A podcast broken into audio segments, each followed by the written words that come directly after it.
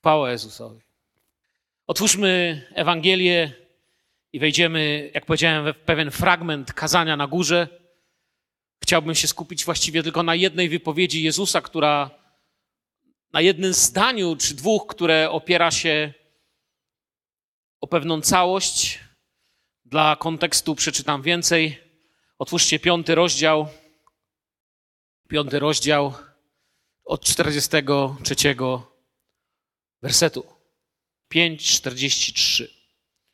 Słyszeliście, że powiedziano: Będziesz miłował swojego bliźniego, a swojego nieprzyjaciela będziesz nienawidził.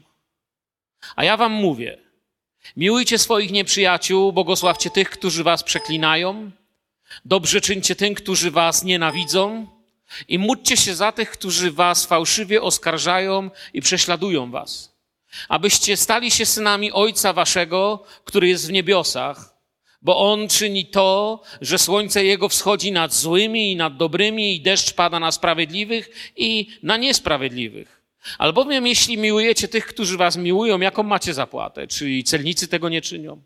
A jeśli tylko swoich braci byście pozdrawiali, co osobliwego czynicie? Czyli celnicy tego nie czynią. Bądźcie więc doskonali, jak Ojciec Wasz, który jest w niebiosach, jest doskonały. Amen.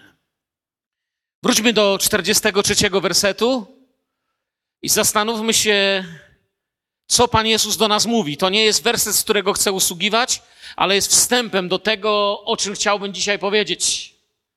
Słyszeliście, że powiedziano, będziesz miłował swojego bliźniego, a swojego nieprzyjaciela będziesz nienawidził. Słyszeliście czy nie słyszeliście? A od kogo to słyszeliście? Bo ja nie słyszałem. Czy progo to słyszeliśmy? Kto powiedział te słowa? Pierwszy problem tego wersetu jest taki, czy tej wypowiedzi Pana Jezusa, że tylko połowa jest prawdą, a druga połowa jest nieprawdą. Nigdzie w Biblii nie powiedziano takich słów. Nie ma ich w Biblii. Tylko pierwsza część jest. Tylko powiedziałbym tak, pierwsza połowa jest biblijna.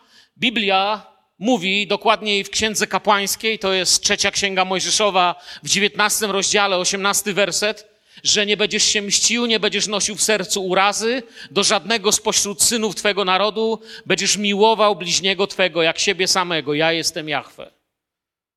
Natomiast drugiej połowy nie znajdziecie nigdzie w Starym Testamencie. Na pewno nie powiedział jej żaden prorok. Natomiast Jezus mówi do ludzi: Słyszeliście.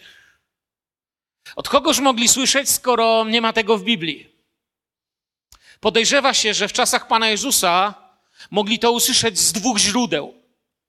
Po pierwsze, i być może tak jest, nie mamy na to dowodów, mogli to usłyszeć od zelotów. Pamiętacie, kto to byli zeloci?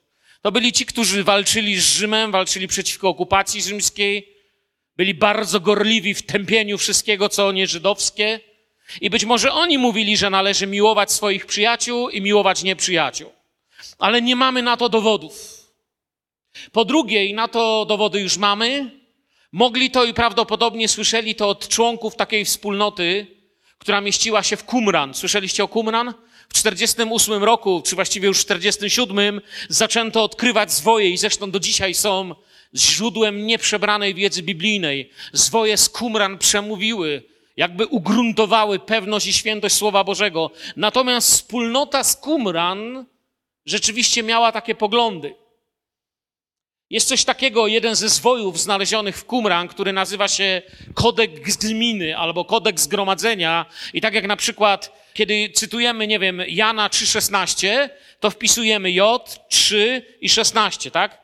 I jest taki zwój, gdybyście chcieli sobie to znaleźć, jak was interesuje Qumran, oznaczony jako 1QS. To jest właśnie QS, jest tym skrótem tego kodeksu gminy, czyli tych ich zasad, które wspólnota w Qumran miała. I tam w dziewiątym, że tak powiem, akapicie tego zwoju jest coś takiego napisane. Jest tam przykazanie, że będziesz miłował synów światłości i nienawidził synów ciemności. I być może stąd gdzieś u Żydów było przekonanie, że będziesz właśnie, tak jak tutaj Pan Jezus powiedział, dokładnie przeczytam jeszcze raz. Słyszeliście, że powiedziano, będziesz miłował swojego bliźniego, a swojego nieprzyjaciela będziesz nienawidził. Natomiast nie usłyszymy tego z Biblii. Jezus naucza inaczej i to wiemy. Jeżeli skorzystamy z jednego z tłumaczeń Słowa Bożego, ja nie wiem, jak macie to przetłumaczone w czeskiej Biblii, tu przechodzimy do następnego wersetu, 44. To jest ten, na który chciałbym się skupić, ale ważne dla mnie było, byście ten 43 widzieli. Połowa z niego jest biblijna. Druga połowa nie ma nic wspólnego z nauczaniem Pana Jezusa i nie znajdziecie całości takiego cytatu nigdzie. Ewangelia Mateusza 5:44 jest jakby w dwóch takich tłumaczeniach. Na przykład, jeżeli e, popatrzymy na Instytut Biblijny, to jest coś takiego. Ja wam natomiast mówię, kochajcie waszych nieprzyjaciół i módlcie się za tych, którzy was prześladują. I jeśli na przykład jest też takie wydanie Nowego Testamentu, które bardzo lubię, przekład toruński Nowego Przymierza się nazywa, polecam, bardzo do mnie przemawia, to jest, jest tam napisane, zresztą w Biblii Warszawskiej też, i w Gdańskiej, i w Brzeskiej. Ten werset jest większy. One są tłumaczone z tak zwanego, nie będziemy teraz to wchodzić, to nie ma dla większości z nas znaczenia, dla tych, którzy trochę grzebią, z tak zwanego tekstu, z receptus są tłumaczone z greki. I tutaj mamy, ja wam mówię, miłujcie swoich nieprzyjaciół, błogosławcie tych, którzy was przeklinają, dobrze czyńcie tym, którzy was nienawidzą i módlcie się za tych, którzy was fałszywie oskarżają i prześladują was. Widzicie, jest jeden werset i nie wiem, czy jest jakiś przekład czeski, który ma tą właśnie rozbudowaną wersję, którą ja przeczytałem. Kto, kto z was ma Biblię warszawską albo gdańską starą? Gdańska leży tu na kazalnicy, przynajmniej leżała, nie wiem, czy tam jeszcze jest. I ja wam mówię, miłujcie swoich nieprzyjaciół, błogosławcie tych, którzy was przeklinają, dobrze czyńcie tym, którzy was nienawidzą i módlcie się za tych, którzy was fałszywie oskarżają i prześladują was. Oczywiście to zależy od tłumacza, dlatego ja tak często wam mówię, że bardzo ważną rzeczą jest, abyście korzystali z wielkiej ilości przekładów, bo każdy przekład jest tak naprawdę interpretacją tego uczonego człowieka, który pracował dla Słowa Bożego i go tłumaczył. Ja na przykład jeden z zysków, które mam, znam, że używam, wiecie, czasem jak, jak, jak studiuję y, sobie, to, to, to używam takie tłumaczenie, takie tłumaczenie, takie, dlatego że na przykład do tego warszawskiego, ja go od lat używam, od 30 lat. Ja już na pamięć umiem niektóre. Masz to też? Na pamięć już. Wiecie co, odkryłem, że jak czytam z innego, to se dodaję na pamięć tamtego. Już tak to we mnie weszło. A dlatego, że to we mnie tak wsiąkło, czasami już nie słyszę niektórych rzeczy. A jak sobie przeczytam z innego tłumaczenia, on używa innego słowa, tam ten, który tłumaczy, nagle, o moment, tu jest inne słowo. A, to o to chodzi. Nagle do mnie dociera. Oczywiście, wiecie, nie każdy ma okazję y, z greki. Teraz na przykład czytam coś takiego, Biblia Nazaretańska, bardzo ciekawe żydowskie tłumaczenie Nowego Testamentu, dokładnie tylko Ewangelii Mateusza, którą, jak wiecie, jedni podejrzewają, że była nawet w oryginale napisana po hebrajsku, inni greki, nie ma znaczenia. Popatrzmy na to, co Pan Jezus nas tutaj naucza. Jeden werset i ogrom myśli, które mogłyby zająć całe życie. Czytając tu powoli, co tu widzimy? Przeczytajmy powolutku tutaj ten werset, co tu widzimy. A ja wam mówię. Czyli jeżeli wierzymy, że Jezus jest Bogiem, wierzymy, że Słowo Boże jest natchnione Duchem Świętym, a ja wam mówię, a więc jest to Słowo jakie? Słowo Boże. Słowo Boże znaczy Słowo Boże. Znaczy, że powiedział je Pan Bóg. Miłujcie swoich nieprzyjaciół. Kto to uczynił pierwszy? Kto pierwszy umiłował, zanim my go umiłowaliśmy? Odpowiedź znacie. Błogosławcie tych, którzy was przeklinają. Czyj charakter się tu wyłania? Kto niosąc Via Dolorosa krzyż był przeklinany, bluzgali na niego, a on swoim życiem i idąc w kierunku krzyża od Betlejem aż do Golgoty błogosławił Pan Jezus. Dobrze czyńcie tym, którzy was nienawidzą. On tylko dobrze czynił i nie było zła w żadnym jego działaniu. Nawet człowieka, który przyszedł go aresztować, uzdrowił, bo go Piotr trochę tam pokiereszował mieczem. Taki był Jezus. I módlcie się za tych, którzy was fałszywie oskarżają i prześladują was. Kto się modlił? Ojcze, wybacz im, bo nie wiedzą, co czynią. Jezus, a później jego naśladowca oczywiście Szczepan. To Jezus. Widzę Jezusa, widzę Go i w tym jednym wersecie, oczywiście w tej skróconej tutaj, w tym skróconym tłumaczeniu, czy mniejszym, też to samo widzę, bo tak naprawdę znaczenia jest to samo. Wiecie, co zobaczyłem? Dzisiaj rano, kiedy zacząłem się z tym wersetem modlić, zacząłem go sobie czytać i czytać i czytać. Czytam i wiecie, zobaczyłem drogę krzyża, zobaczyłem drogę krzyżową. A ja wam mówię, miłujcie wrogów waszych i módlcie się za tych, którzy was prześladują i źle traktują. Błogosławcie tych, którzy was przeklinają i dobrze czyńcie tym, którzy was nienawidzą. Czy ten werset nie pasowałby jako podpis pod obrazem, na którym Jezus niesie krzyż i zmierza ku Golgocie? Czy to nie jest dokładnie to, co Pan Jezus zrobił, kiedy niósł krzyż? Co się dzieje? Otoczony nieprzyjaciółmi, otoczony przeklinającymi, otoczony nienawiścią, otoczony złem, prześladowany. Taki był Jezus. Chcieli go zabić nie pierwszy raz. W końcu im się wydaje, że złapali, w końcu diabeł myśli, że uciszy na zawsze, w końcu zło myśli, że zatriumfuje i prowadzą go, biją go, plują na niego, wyszydzają, idzie w kierunku Golgoty. Jaka jest reakcja? Bezwarunkowa miłość, agapi. Błogosławieństwo, czyli życzenie dobra. On to robi, abym ja mógł żyć. On się narodził po to, żebym mógł żyć szczęśliwym życiem. Czynienie dobra i modlitwa. On się za nas modli. On jest tym, Pamiętacie tą pieśń Pohambiony mój kapłanie, którą śpiewał chór? On jest tym kapłanem, który cierpiąc modli się i błogosławi. On jest tym, który z krzyża sprawia, że te wersety stają się prawdą. On nie tylko uczy, on tak żyje. Kiedy Jezus na krzyżu był, w jakim stanie na tym krzyżu był? Otoczony nieprzyjaciółmi, otoczony przeklinającymi. Tylko kilka osób zostało przy nim, wszyscy się rozbiegli którzy go znali. Otoczony nienawiścią, otoczony złem, prześladowany. I jaka jest jego reakcja? Czy jest taka, jak nauczał w kazaniu na górze? Tak, jest taka, jak nauczał w kazaniu na górze. Odkrywam, że kazanie na górze wypełnia się jako przykład w jego życiu, kiedy niesie krzyż na Golgotę. Prosiłem dziś Boga, kiedy czytałem sobie to słowo, Panie, pokazuj mi, co masz dla mnie w tym słowie, czego chcesz mnie pouczyć, co mogę dalej nieść. I zobaczyłem, Jezus uczy nic nowego, jak tylko to, kto chce pójść za mną, niech zrezygnuje, niech powie, że on to nie on, albo krótszy, krócej mówiąc, zaprze się siebie. Zaprzeć się siebie to znaczy powiedzieć ja to nie ja. Ty bierzesz mój dowód osobisty i czytasz Mirosław Kulec. Ja nie, nie mam pojęcia, kto to jest. Tak by zareagował apostoł Paweł. Chciałby ukrzyżowany jestem z Chrystusem. Żyje nie ja, lecz żyje we mnie Chrystus. I oczywiście nie chodzi o to, żeby oszukiwać policję czy władzę, ale chodzi o to, żeby wobec duchowego świata powiedzieć: Ja nie staję w moim majestacie, staję w autorytecie Syna Bożego. W moim autorytecie nic nie mogę duchowo.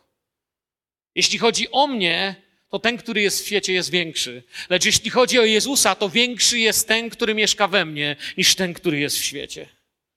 Bo ja nie zwyciężyłem zła i nie zwyciężę. To mój Jezus, On jest Zbawicielem.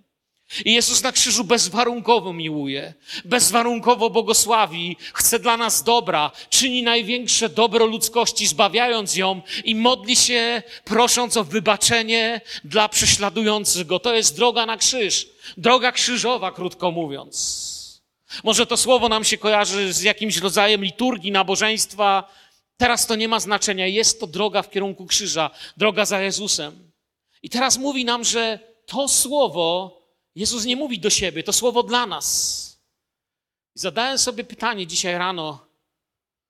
Siedzę sobie w ogródku, wiaterek, dopiero się robiło ciepło, jeszcze nie było tak upalnie jak teraz, ale już też było dość. Przyjemnie mi, popijam kawkę, przeczytałem i zadałem sobie pytanie: Panie, czy ja się mogę zmierzyć z tym wersetem? Czy jest jakakolwiek szansa, abym mógł się moim życiem zmierzyć z tym słowem? Zacząłem rozumieć, że to jest to miejsce, że po raz kolejny Duch Święty mówi: Możesz się tylko poddać mi. Tylko ja cię mogę przeprowadzić przez to. Tylko ja mogę Cię tak poprowadzić, żeby to słowo mogło stać się realne. Ty się nie możesz z tym mierzyć. Ty nie możesz sobie tego postanowić. Ty nie możesz chcieć. Chcieć to możesz, nie wiem, chodzić do kościoła. Ale nie możesz chcieć, aby to się stało esencją Twojego życia, aby to się stało centrum Twojego życia. To muszę czynić w Tobie ja. Bóg współdziała ku dobremu z tymi, którzy Boga miłują. Chcę Cię kochać. I wtedy to się dzieje. Ku dobremu Dobry jest tylko jeden, jest Bóg. Czyli Bóg współdziała ku Bożemu z tymi, którzy Boga miłują. Bóg tego nie wymaga od starego Adama. To nie są wymagania do starego Adama. Stary Adam, człowiek nieodrodzony, nie jest w stanie w ogóle zdać sobie sprawy nawet o czym tu jest mówione w tym 44 wersecie, nie mówiąc o wykonaniu w ogóle któregokolwiek z nich. Tego nie da się być naśladowcą tych wersetów w duchu Kaina, gdzie muszę najpierw udowodnić mojemu bratu, że mam rację. To jest ten duch Kaina. Ja pokażę, że moje na górze, a potem zobaczymy. Tym się nie da żyć w duchu Kaina. Tym się nie da żyć w buncie Adama. Właściwie, gdyby nie święty Szczepan, gdyby nie męczennik Szczepan z dziejów apostolskich, to zadawałbym sobie pytanie, czy człowiek może się z tym zmierzyć, czy to może być faktem życia. Ale zobaczyłem Szczepana i pomyślałem sobie, może w mojej niedoskonałości może reprezentować się doskonały Jezus. Tu piszę o utracie, o traceniu siebie. Gdzie ja przyznam się szczerze, nie wiem, czy ja już doszedłem do etapu tracenia siebie. Ja, ja często z bólem nawet tracę to, co mam, nie mówiąc o sobie. Mi się telefon rozbił, to byłem załamany. Ja nie, ja, ja nie wiem, gdzie, gdzie jest ten moment, kiedy uczy się człowiek tracić siebie. W innych momentach zobaczyłem, że kiedy to zrobiłem, Duch Święty przepięknie przyznawał się do modlitwy, przyznawał się do prośby o, o, nie wiem, o chrzest Duchem Świętym, przyznawał się do prośby o uzdrowienie, przyznawał się do prośby o Jego prowadzenie, chociaż zawsze to było Jego drogą, nie moim sposobem. Piszę o utracie siebie. Ja się, tak jak mówię, ciągle uczę tracić tylko to, co mam.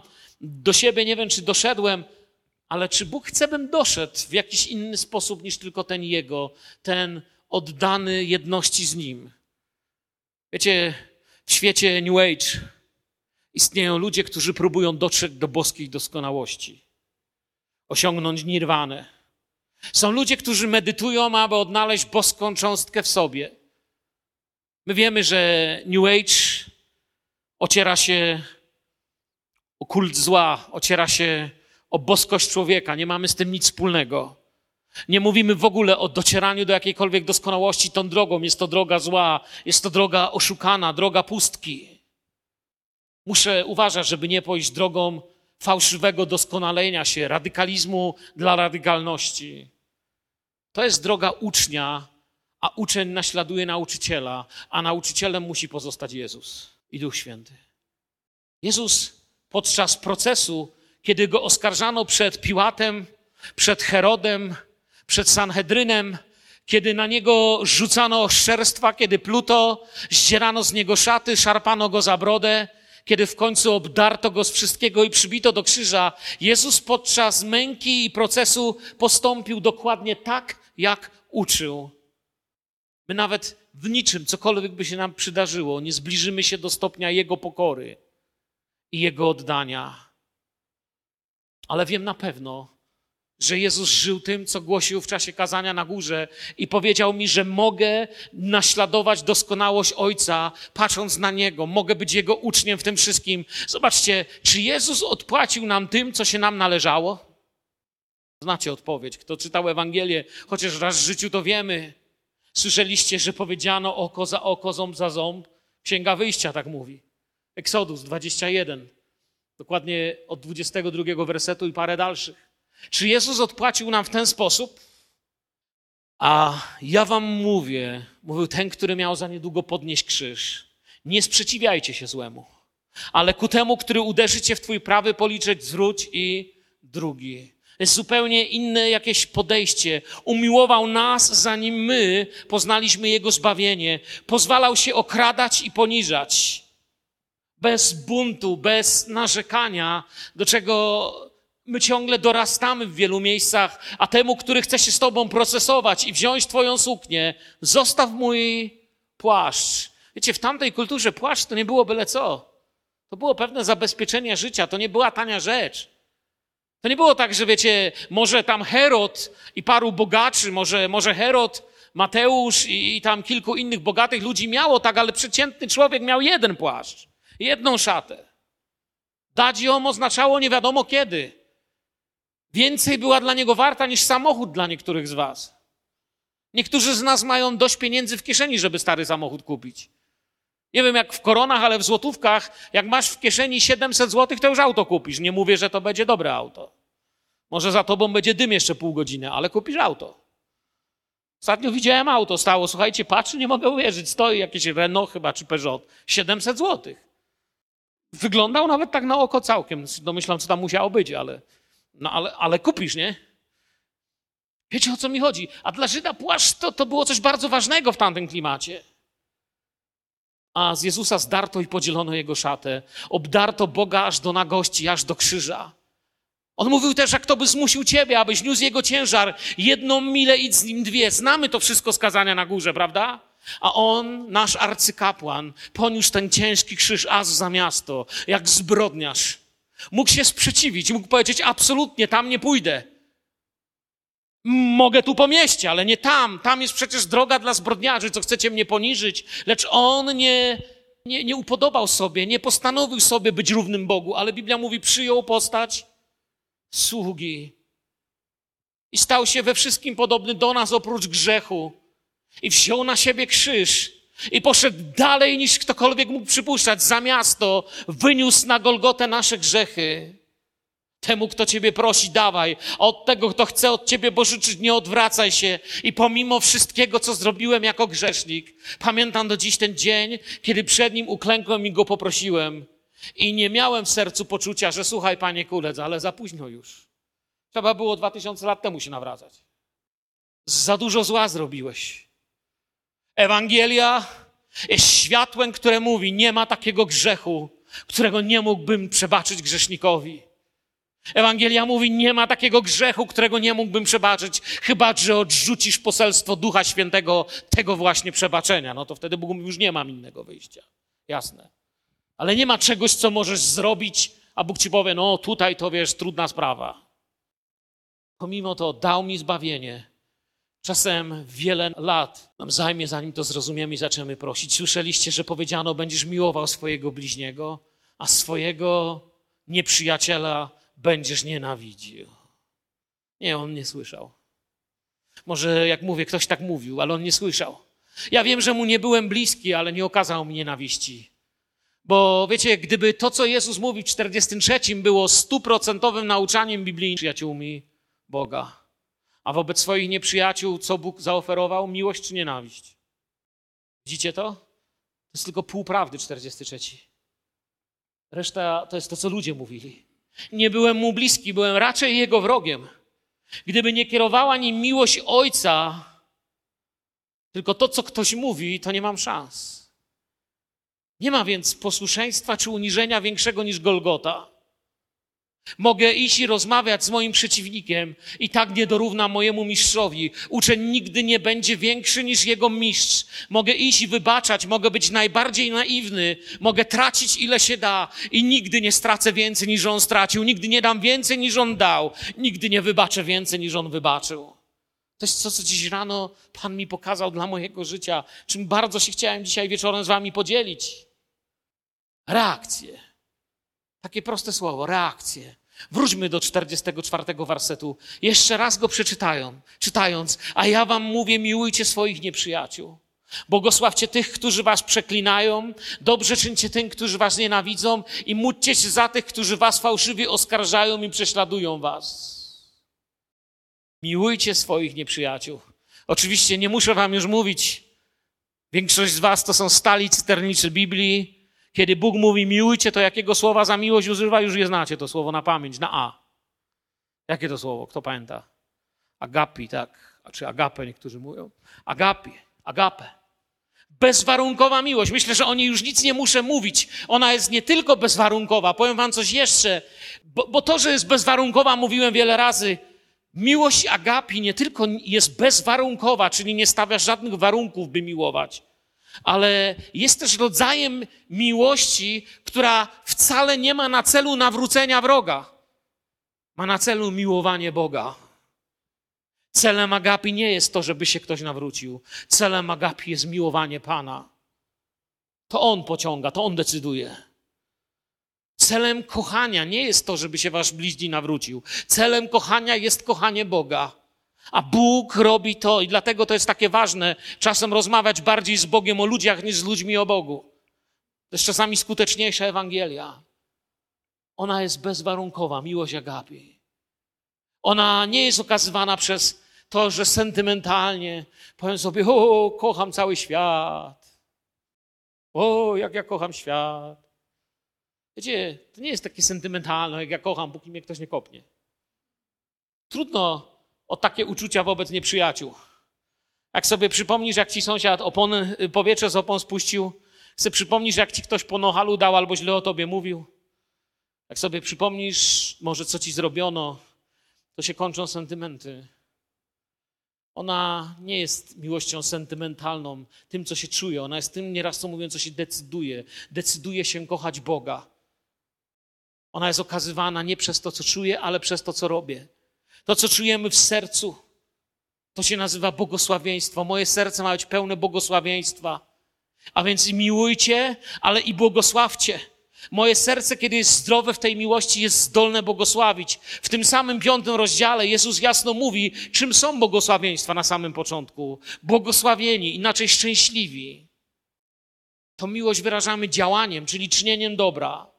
Jezus mówi tak, nie zapalają też lampy, 15 werset, i nie stawiają pod korcem, ale na świeczniku i świeci wszystkim, którzy są w domu. Tak niech świeci wasza światłość przed ludźmi, aby zobaczyli wasze dobre czyny i sławili Ojca waszego, który jest w niebiosach. Korzec? Nie stawiają światła pod korcem. Wiecie, co to jest korzec? Korzec to jest miara, miarka do ziarna.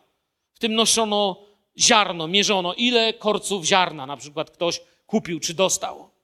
Ale moje świadectwo i moje dobro nie może być mierzone miarą tego świata. Moje światło nie może być przykryte moją miarką. To znaczy nie stawiać światła pod korcem. Odłóż Twoją miarkę. Twoje światło ma być widoczne bez względu na bezmiar tego, co się na tym świecie dzieje. Czym byłoby Ewangelia bez tego? Moje świadectwo i dobre dobro nie może być dłużej mierzone tym, jak żyje świat, ale tym, kim jest mój Bóg. Moja miłość jest do kochania Boga, aby świat oglądał duchowym życiem. Słowo Boże mówi, że jeśli byś przyniósł swój dar na ołtarz i tam przypomniałoby ci się, że twój brat coś ma przeciw tobie, idź załatw tą sprawę. Nie ziemską miarą, bo ziemską miarą się niektórych spraw załatwić nie da. Znam sprawy, szczególnie kiedy pracowałem w więzieniu Zresztą czasami, kiedy i teraz jadę do więzienia, są sprawy, których się ziemską miarą już roz rozwiązać nie da. To co tych ludzi do piekła posłać? Miałem takich w swojej grupie modlitewnej. No, zabił chłop dwóch ludzi, co mu mam powiedzieć? Nie ma dla ciebie nadziei? No, ziemską miarą, chłopie, ty, ty nie możesz w ogóle do kościoła chodzić. Ale Bożą miarą? Spójrz na Golgotę. Zwróć swój wzrok na Jezusa.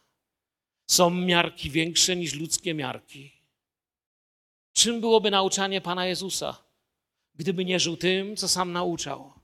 Powiedzcie, co by się stało z tym jednym z łotrów na krzyżu, gdyby usłyszał, wiecie, powiedziałby, Panie, wspomnij na mnie, bo jesteś niewinny. Jezus by mu odpowiedział, masz rację, ja jestem niewinny, no ale niestety dla ciebie późno.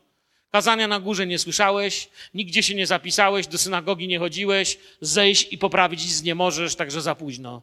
Nie, jeszcze dziś będziesz ze mną. Czy to ludzka miarka? To nie jest ludzka miarka, to jest miarka Boża, to jest miarka agapi. Bezwarunkowo miłuję Ciebie i odpowiadam na Twoją pokorę miłością, odpowiadam na Twój żal miłością, odpowiadam na Twoją potrzebę zbawieniem. Czym byłaby ofiara i modlitwa Jezusa, gdyby tam na krzyżu nie zawołał o mnie i o Ciebie, Ojcze, wybacz, bo oni naprawdę nie wiedzą, co czynią. Brzmi dobrze, ale po co to wszystko? Gdzie? Wybaczcie, że tak trochę spłycę, żebyśmy to zobaczyli. Tu nie chodzi o jakieś pójście czy nie pójście do piekła. Pewnie, że Bóg nie chce, by ktokolwiek zginął, ale to, to nie jest celem. To jest już dużo wyżej niż iść czy nie iść do piekła. Bóg nie, nie, nie prowadzi dyskusji na tym poziomie w ogóle. Znaczy, jest moment, kiedy to jest ważne, ale nie tu, nie w tym miejscu. Tu nie chodzi o jakieś niepójście do piekła. Ten, ten zbir, który wisiał na krzyżu obok Jezusa, jak mówię, nie słyszał kazania na górze i w jego wypadku nie chodziło mu o to, żeby nie iść do piekła. Ja nie wiem nawet, czy ten chłop w ogóle rozumiał coś z tego wszystkiego. Kluczem do wszystkiego jest inne słowo. Kluczem nawet nie jest piekło i niebo.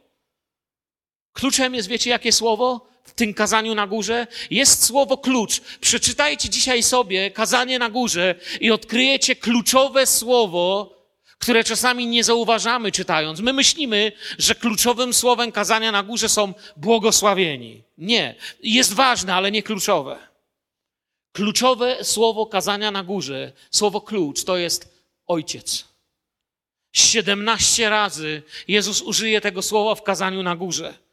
Czytałem dzisiaj i kilka razy liczyłem. Sam nie jestem pewny, czy dobrze policzyłem. 17 razy kluczem do wszystkiego jest słowo ojciec. To stawanie się zakochanym w ojcu dzieckiem, zakochanym dzieckiem w swoim tacie, naśladowcą Pana Jezusa, naśladowcą Boga w mroku tego świata. 17 razy on mówi ojciec. Bo on nas nie chce nauczać, abyśmy powiedzieli: OK, to nie idę do piekła.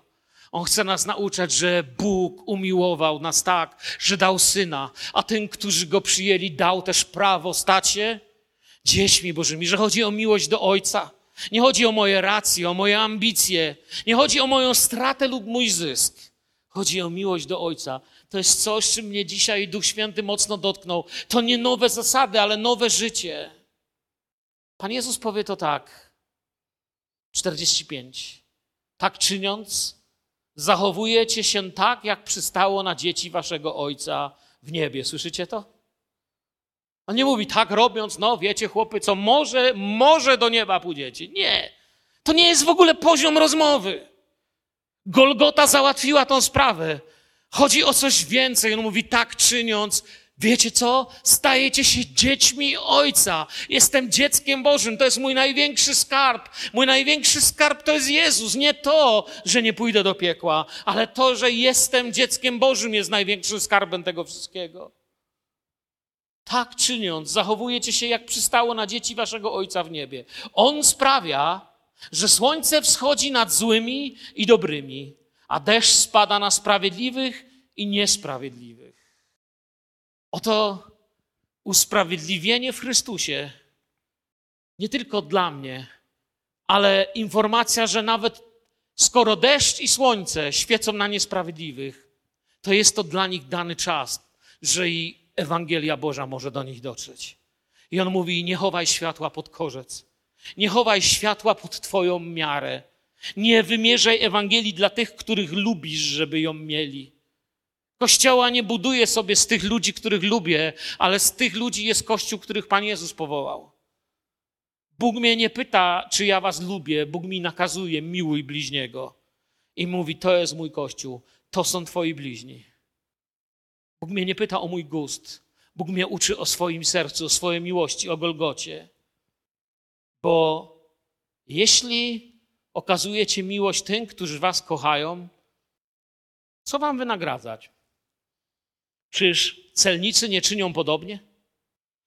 A jeśli pozdrawiacie tylko swoich braci, co w tym nadzwyczajnego? Poganie też to robią. Gdybym miał jednym zdaniem skreślić te dwa wersety, to jest 46 i 47. Jednym zdaniem powiedziałbym tak: jeśli robimy inaczej, Jezus jest nam niepotrzebny. Ja nie potrzebuję Jezusa do tego, żeby lubić tych, co mnie lubią, być życzliwy dla tych, co mi są życzliwi, i życzyć szczęścia tym, którzy mi życzą szczęścia. Potrzebny wam do tego Jezus mi nie. Przed nawróceniem, jak mnie ktoś lubił, to ja jego lubiłem. A wy?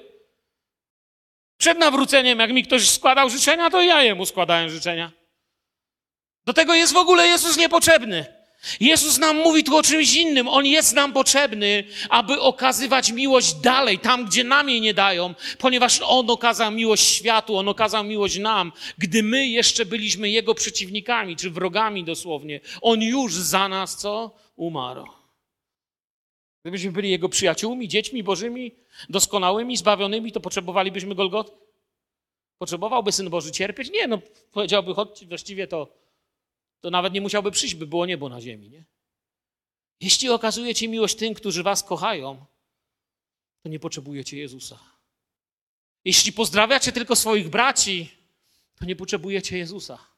Jeśli potrzebujesz Jezusa, to potrzebujesz Jezusa, ja potrzebuję Jezusa, aby znaleźć Jezusa dla tych, którzy mi nie życzą dobrze, aby znaleźć Jezusa dla tych, którzy mnie poniżają, aby znaleźć Jezusa dla tych, którzy nie okazują mi miłości. Bo jeśli robię inaczej, Jezus jest mi niepotrzebny. Jeśli tylko druga myśl, jeśli tylko błogosławię tych, którzy mnie lubią i tych, co mi życzą dobrze, to wiecie, co mi nie grozi? W ogóle mi hipokryzja nie grozi. Ja wtedy naprawdę szczerze was błogosławię i lubię. Wtedy nie byłoby hipokrytów. Wiecie, co jest hipokryta? Hipokryta z greki oznacza człowiek za maską. Grecy mieli takie maski teatralne i hipokryta to był zawód. Czasami był dobry hipokryta, wtedy jego matka się chwaliła sąsiadką, mówi: Mój syn jest wspaniałym hipokrytą. To jest po prostu zawód, taka praca. Ubierał maskę i to był o teraz hipokryta. Gdzie mam maskę? No, Ewangelia, moja maska. Niedzielna. W poniedziałek taka. Hipokryta. Gdybym wszystkich miłował, co mnie miłują, i lubił tych, co mnie lubią, to będę hipokrytą? Nigdy nie będę hipokrytą. Ja naprawdę lubię tych, co mnie lubią. Natomiast mam problem powiedzieć, że nie lubię tych, co mnie nie lubią. I kiedy im mówię, że ich lubię, to Bóg mówi, grozi ci hipokryzja, bo może ich nie lubisz. Może ich nie miłujesz. I dlatego potrzebujesz mojego cudu. A więc jeśli nie będę posłuszny tej nauce, to po pierwsze Jezus jest mi niepotrzebny, po drugie nie grozi mi hipokryzja, ale po trzecie nie będę uczniem mojego mistrza i nie będę tym, który reprezentuje Ojca, który umiłował. Nie muszę nic w sobie zmieniać, by błogosławić tych, którzy mnie błogosławią i dobrze życzyć tym, którzy mi dobrze życzą. Musicie coś zmieniać? Mi ktoś dobrze życzy, ja mu też dobrze życzę. Nie muszę się wysilić i mówiąc, panie, ale krzyż. Normalnie chłop mi życzy 100 lat, no to ja mu 200. To nie żaden krzyż. Ale jeśli ktoś ci mówi, bądź przeklęty, niech cię poskręca, niech cię wszystkie choróbska świata dopadną, a ty mówisz, Jezus cię kocha, a ja cię kocham w Jezusie, wbrew logice, to potrzebujesz Boga, żeby to przetworzyć w sobie. Tu jest ci Jezus potrzebny, żeby nie być hipokrytą i żeby to naprawdę zrobić. Bo Jezus nam nie obiecał, że świat i Kościół będą doskonałe. On mówił, że muszą przyjść zgorszenia, bo są ludzie, co się do dziś dziwią, że w Kościele się zgorszyli. Jezus mówi, że muszą przyjść zgorszenia.